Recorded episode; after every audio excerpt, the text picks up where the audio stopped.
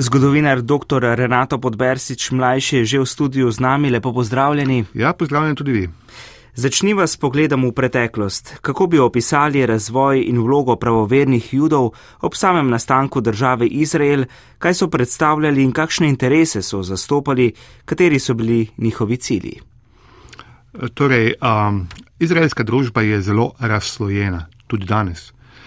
To je seveda del nekega historičnega razvoja v zadnjih um, 75 letih od nastanka države Izrael, oziroma če nekoliko simpliciramo, rečemo lahko tudi obnovitve države Izrael.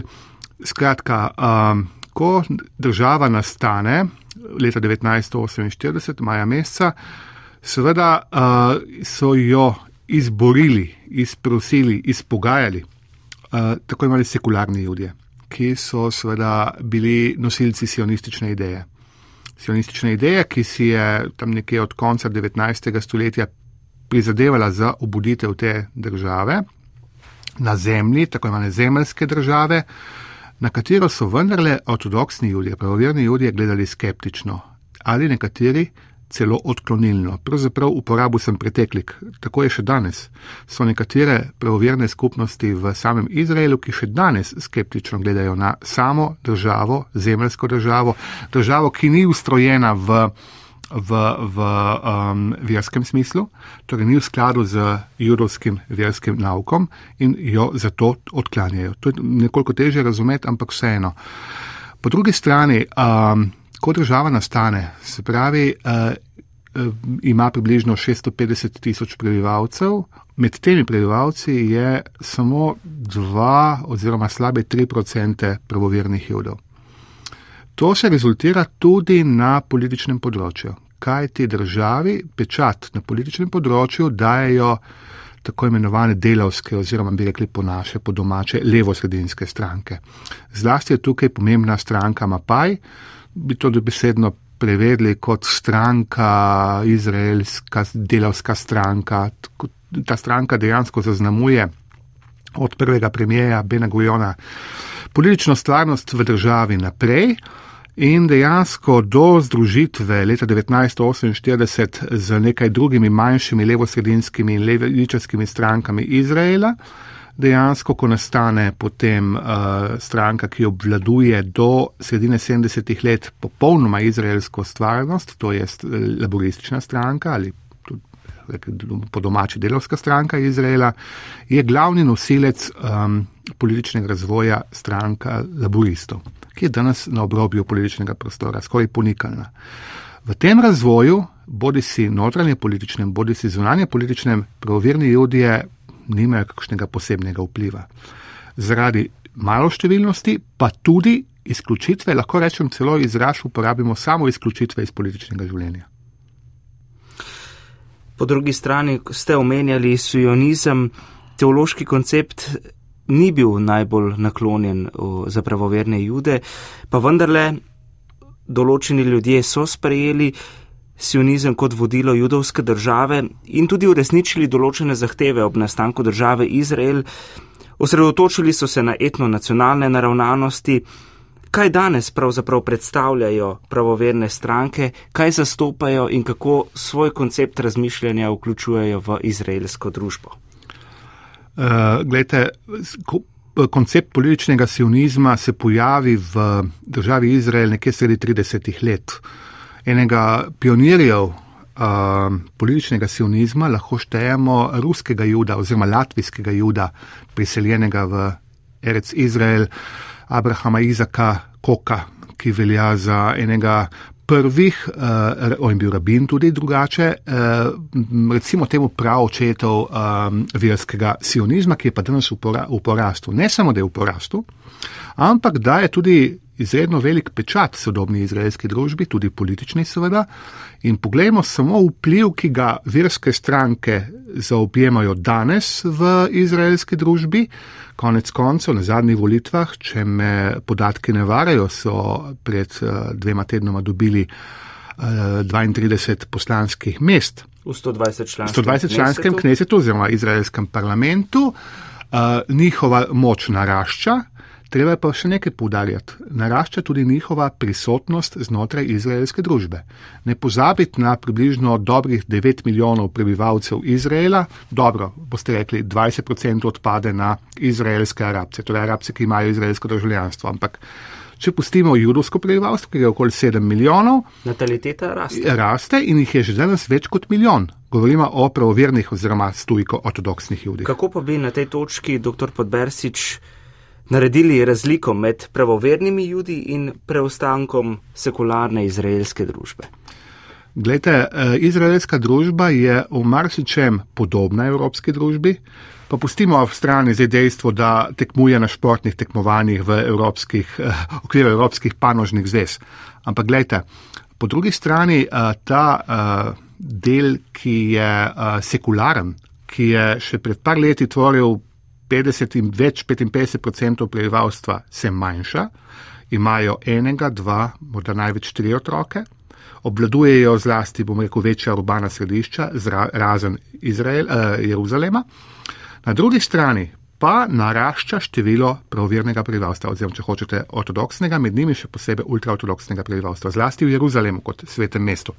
Kakšno življenje živijo? Ampak eh, še to bi odgovoril, zakaj? Zaradi visoke natalitete in pa seveda tudi med eh, prebivalci, ki izvedejo alijo, torej pridajo eh, v biblično domovino, se iz Francije in Amerike, zlasti recimo iz Združenih držav Amerike, preselijo v biblično domovino, današnji Izrael, dejansko je veliko ortodoksnih judov. In človek težko razume, ko se pogovarja z nekim uh, uspešnim odvetnikom na Manhattnu ali pa z nekim bogatim bankirjem iz Buenos Airesa, ki je vse pustil, pa se preselil v neko, recimo temu, nezakonito judovsko naselbino na Zahodnem bregu. Uh, ko ste vprašali, uh, izhodišče je bilo za glede življenja. Marsičem živijo popolnoma oddvojeno. Namreč uh, te skupnosti so zaprte, zelo klansko, oziroma družinsko, oziroma rabinsko zamejene. Najdemo jih v številnih četrtih eh, Jeruzalema in ne samo Jeruzalema, recimo najbolj znana morda je Meja Šarim, eh, ki velja za eno najbolj ortodoksnih na svetu. Uh, torej, ženske ponovadi so doma, čeprav tudi ta vidik se zdaj spreminja, moški se posvečajo molitvi. Uh, veliko teh družin je na socialnih plečih države, ne služijo vojske, kar zagotovo moti preostanek. Treba se spomniti, da mislim, da tretja ali četrta, vi boste morda bolj vedel, uh, Netanjahova vlada je padla prav na podlagi spora z koalicijskim tako. partnerjem Avigdorjem Libermanom, nekim desničarskim, liberalnim, nacionalno barbanim, tako sekularnim. sekularnim, ki pa je zahteval služenje ortodoksnih judov v izraelski vojski. Si predstavljate? So ljudje, ki so goreči pristaši tore, torej postave in judovskega načina življenja, odklanjajo pa izraelsko vojsko. Torej, njim ni prepovedano službovati v vojski, eh, se pa večji del zaradi državnih zakonov temu izogne oziroma eh, da izjavo, da ne želijo tega početi. Pa če se ravno naveževa prav to, ponekod med bolj liberalnimi krogi se poraja bojazen o prevelikem vplivu religije na državo, obstajajo sodišča za verska vprašanja, celo prihaja zadnji predlog verskega sionista Smotriča, da bi prepovedali nogometne tekme na šabato oziroma na soboto. Uh, Spoštovani kolega, greva teden dni nazaj, da si bolj plastično poslušalci to predstavljajo, ko je Slovenija igrala košarkarsko tekmo, kvalifikacijsko v Tel Avivu. Začeli so v petek ob enih, marsikdo se je čudil, zakaj v ob petek ob 13. Zato, da končajo do nastopa šabata. Šabat se začne pa z ugasnitvijo dneva, torej ko prve tri zvezde zasvetijo na nebu, takrat nastopi uh, šabat, torej sobota in je sveti dan. In že marsikje tisti, ki pogosto hodimo v Izrael, opažamo, da življenje stoji. Nekoliko manj v Tel Avivu, ki je sekularno, ki je liberalno mesto, mesto ki mesto, nikoli ne spi. Tako je. Na drugi strani pa v Jeruzalemu, zlasti nekateri predeli Jeruzalema, ki so dobesedno blokirani za avtomobile. Ne? Torej, doktor Podbersič, vse skozi se zdi ta razpetost med demokracijo in teokracijo na eni ter na drugi strani. Lete, imate prav, po drugi strani pa to vendarle nek čar države, ne? ki je relativno majhna, velika je za 1,1 eh, Slovenijo, torej 22 tisoč kvadratnih kilometrov. Imamo eh, dve nekako središči, gospodarski, politični, zgodovinski, v zgodovinsko Jeruzalem nedvomno, gospodarsko, politično Tel Aviv a, ki je izrazito stvar rekla liberalno mesto, na drugi strani imamo pa, um, imamo pa Jeruzalem, ki je izrazito konzervativno mesto, ortodoksno mesto, ki dobiva vedno bolj, se mi zdi, uh, to je moj osebni pogled, pa ne samo moj osebni, vedno bolj ultraortodoksni ali pa ortodoksni značaj. In dejansko gre za neke vrste sobivanje znotraj ene države take različne skupnosti. Ne? Tudi glede na kulturno provenienco, pogledajte recimo ruske judje, ki tvorijo in je med njimi malo ortodoksnih oziroma ultraortodoksnih in tvorijo neko svojo skupnost zaradi seveda kritične mase, milijona pa pol nekdanjih recimo temu sovjetskih judov, ne? ki se niso ali pa se niso v dovoljšni meri integrirali v izraelsko družbo. Na drugi strani imamo številne priseljence, ki smo jih že prej v teku oddaje omenila in dejansko dajo ta, eh, ne samo oni, tudi rekel, domači že izraelski ljudje, eh, ortodoksni pečat. In doskrat pride do, eh, bomo rekli, pravih, bomo rekel, spopadov, ampak nerazumevanja, kregarije, Se spomnite, tri leta, štiri leta nazaj, ko so v tej ultraortodoksni četrti v Jeruzalemu uh, kamnali punčko, ki je prišla v šolo, 12 let stara, z dva prsta prekratkim krilom. In so jo poškodovali s kamenjanjem, ker je bila, po mnenju ultraortodoksnih judov, nespodobno oblečena. Policija je potem posredovala. Seveda. Torej, različni miselni tokovi obdajajo judovsko državo, pa lahko vendarle govorimo o Izraelu kot o judovski državi. Omenjali ste, milijon prebivalcev te države je arabcev. Ne, prostite, dva milijona. Dva milijona. Ja, 20 odstotkov prebivalcev slabih, ja, 20 odstotkov. Milijon prebivalcev je pravovernih. Tako judov. je, tako je. Glejte, gre za seveda državo, uh, ki je unikatna, je zanimiva, ki se je, kot sva rekla, uvodoma obudila po biblijskih načelih oziroma na biblijskem prostoru po skoraj 1900 letih. Država, ki nima ustave, mislim, da ima 13 ustavnih zakonov, s katerimi rešuje sobivanje znotraj države. Kar je zahtevno, zagotovo. Država, ki vendarle uh, rešuje marsikaj z mnenjem vrhovnega sodišča, ki odloča o seveda sekularnih zadevah znotraj države, recimo o ilegalnih naselbinah, o ustroju vojske, o vsakdanjem življenju in ima zaenkrat eh, zelo, zelo uh, veliko moč v, ali pa precej veliko moč znotraj ustroja sodobne izraelske države. Nekoliko me skrbi, kam bo šel razvoj v bližnji prihodnosti, če bi se zgodilo, da bi ta nastajajoča koalicija, ki se, kot kaže, bo oblikovala okoli Benjamina Netanjahuja po svoje fenomena na političnem prizorišču na svetu. In bi šla v zmanjševanje moči v, vrhovnega sodišča. Za enkrat izraelsko državo še vedno lahko označujemo za demokratično, vendar z nastavki morebitne teokracije. Morda kar pomeni, da je upravičena skrb, da bi država postala halaktična država. Uh, ha, halaka. Zaenkrat v tej najni generaciji verjetno tega ne bova doživela, ampak mislim, da sva tokom oddaje že pojasnila, kakšne so skrbi, zlasti glede, bom rekel, te druge polovice koalicije, ki se nakazuje. Če sva rekla, da bo nova vlada imela 64, kot kaže, mest uh, torej poslancev v Knesetu, v parlamentu izraelskem, uh, je polovica likuda, torej recimo temu desno-sredinskih. Lahko bi jih, da bojo poslušalci lažje razumeli, bi rekli pa nas neka vrste ljudska stranka, ne, Volkspartei, recimo krščanske demokrati, seveda v judovskem kontekstu, ne, ampak lažje razumljivo, desno-sredinska stranka. Pol se nakazuje pa recimo temu, kar precej ortodoksna uh, desnica, ne, ki jo sestavljajo verske stranke. In še verske stranke so na pol razdeljene, ne. Tako da imate uh, uh, tradicionalne šas, pa združeno toro, ki sta ortodoksni uh, aškenasko, pa sefardski stranki, verske stranki, potem imamo pa te recimo uh, verske sionistene, ki so pa.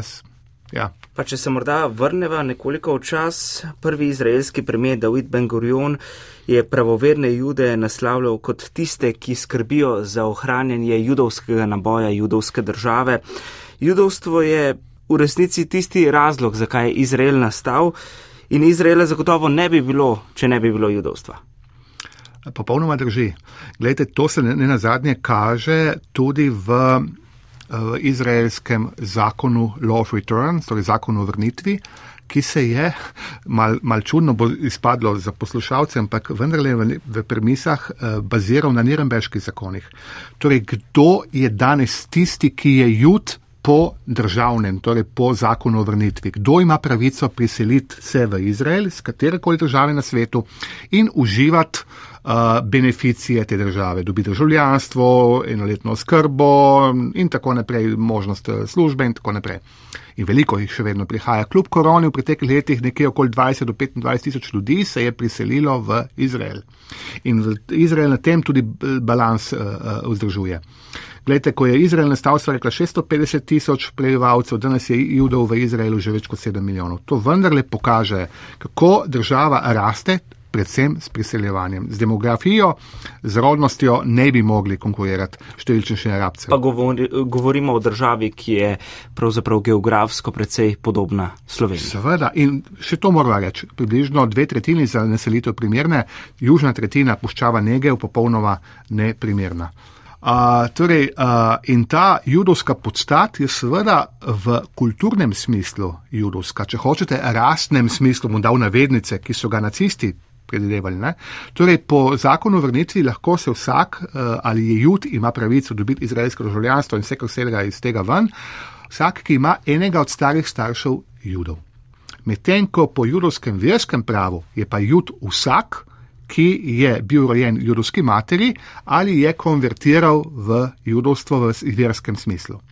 Država tega ne priznava. Država, smo rekli, je v tem, recimo, temu kulturnem smislu, če hočete, spet bom dal navednice, rasnem smislu, se bazirala na nirembeške zakone, ne, ki so jude izločali iz družbe po starih starših. Za konec, če se dotaknemo izraelske družbe, ki je precej razdvojena, Veliko Izraelcev, sami ste omenjali, ima skrbi nad novo vlado, ki bo po eni strani precej patriotska in nacionalno naravnana, po drugi strani pa tudi najbolj desna in radikalno populistična doslej. Kje se tu pozicionira judovstvo, lahko Izrael dokončno stopi na pot teokracije? Uh, mislim, da ne, da bo zaenkrat še ustrajal na poti demokracije, tudi zaradi upetosti v mednarodne tokove. Deva reči odkrito, Izrael brez zahodne pomoči bi bil že davno izbrisan z obličja zemlje.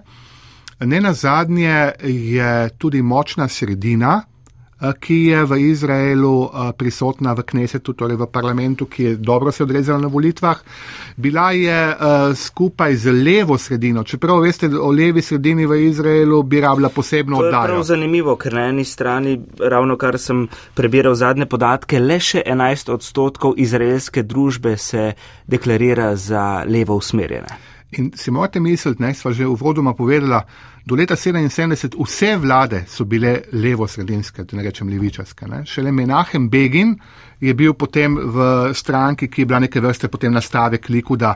Ampak zanimivo, on je bil tisti, ki je zmogel uh, uh, mirovno pobudo, proces z Egiptom, Sadatom in tako naprej, naprej imel Camp Davidu in konc koncev poskus približevanja z sosedami, kar je potem rezultiralo v, v, v, v um, miru z Jordanijo sredi 90-ih let. Ampak če se vrnemo naprej, gledajte, nekdanja koalicijska partnerja uh, Gantz in Lapid sta konc koncu osvojila kar spodobno število in bi lahko eh, šla v koalicijo z Benjaminom Netanjahujem, torej z Likudom. Zdi se ta, zato um, koalicijo nekako navija tudi predsednik Hercog, pa ne samo on, tudi tujina, zlasti Evropa, eh, daje signale, da bi države Amerike tako, si seveda, želijo, da bi seveda. vsekakor bila to neka desno-sredinska vlada, pa vendarle bo najbolj skrajno desna očitno. Ja, ampak gledajte, uh, mislim, da bi celo bila možnost nastanka uh, koalicije z sredinskimi strankami, ampak sredinske stranke so jasno pokazale, tukaj ne želijo Benjamina Netanjahuja in seveda stare zamere tukaj ne bojo prehitro pokopane. In prekaljeni maček izraelske desnice ostaja še naprej ja. problem in vodilo izraelske politike v zadnjih 15 letih. In tudi spiritus agens tiste politike, ki je pripeljala že do, do petih volitev v manj kot štirih letih. Možaka, ki je obladoval izraelsko sceno 2009 do 2021, ne? 12 let je bil na oblasti. Nekateri mu pravijo celo kralj, kralj Bibi. Kralj Bibi, imate prav, ampak po drugi strani pa zaenkrat uh, uh, verjamem v demokracijo, bojim se nekoliko uh, Bengvira pa, pa Smotriča, torej dveh potencijalnih koalicijskih partnerjev, ki prihajata iz tega religijskega sionizma. Uh, in ima radikalnega sionistov, ki zelo, zelo eh, čudno gledata na sobivanje že judov samih znotraj sekularnih, pa ortodoksnih znotraj Izraela, da ne omenjam do arabskih sosedov in sodržavljanov. Doktor Podbersič, najlepša hvala za vaše misli. Hvala vam za vabilo. Hvala pa tudi vam, drage poslušalke in cenjeni poslušalci. Želim vam lep preostanek dneva.